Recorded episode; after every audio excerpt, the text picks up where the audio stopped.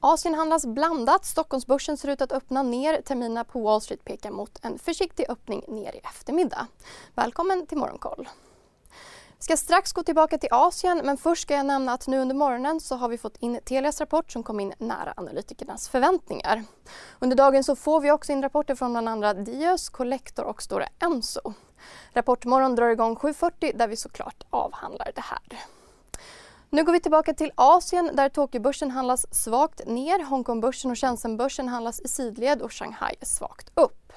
Halvledaraktier går bättre än Tokyobörsen. Tokyo Electron stiger 4% vi stannar i Japan där kärninflationen steg 3% i september jämfört med samma månad föregående år. Det här är i linje med analytikernas förväntningar och en liten ökning från augustis 2,8 vi går över till USA där börserna på Wall Street pressades av stigande räntor. Breda S&P 500 stängde ner 0,8% Tekniktunga Nasdaq sjönk 0,6 Fed-chefen i Philadelphia sa igår att räntorna lär stiga en bra bit över 4% Den amerikanska tioåringen nådde nya rekordnivåer och är nu uppe på 4,2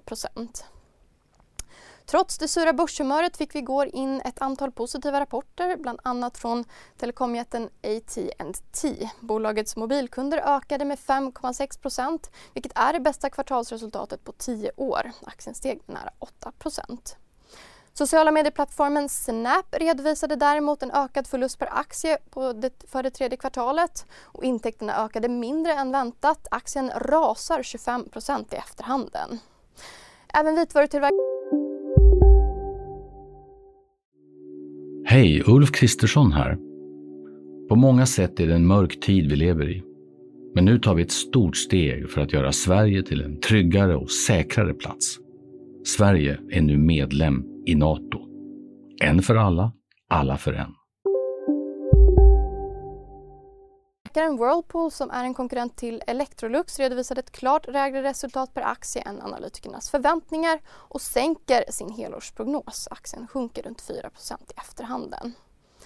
Frankfurt noterade Adidas vinstvarnare efter att ha sänkt helårsprognosen. Försäljningen minskar kraftigt i Kina i spåren av landets pandemirestriktioner enligt bolaget.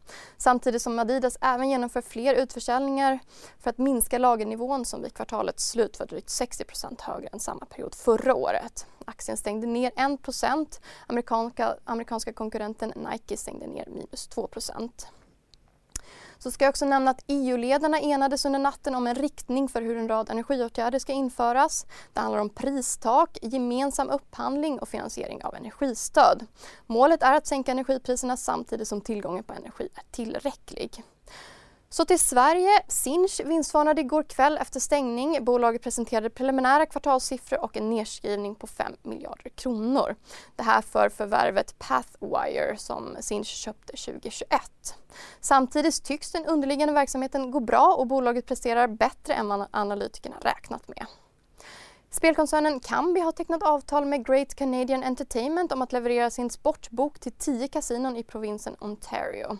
Partnerskapet kommer att ha en liten påverkan på bolagets omsättning under 2022 men en större positiv påverkan från 2023 enligt bolaget. Idag ser vi såklart fram emot en flod av rapporter och Rapportmorgon drar som sagt igång redan 7.40.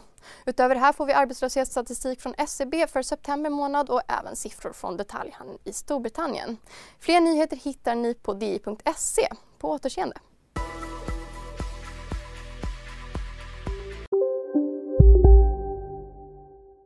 Har du också valt att bli egen? Då är det viktigt att skaffa en bra företagsförsäkring. Hos oss är alla småföretag stora och inga frågor för små. Swedeas företagsförsäkring är anpassad för mindre företag och täcker även sånt som din hemförsäkring inte täcker. Gå in på swedea.se företag och jämför själv. Expressen gör varje vecka podden Politikrummet där vi djupdyker i det senaste och viktigaste inom svensk politik. Med mig, Filippa Rogvall, som programledare tillsammans med mina vassa kollegor. Och det är ju ni som heter Thomas Nordenskjöld, Anette Holmqvist och Viktor Bartkron. Politikrummet kommer med ett nytt avsnitt varje tisdag. Vi hörs.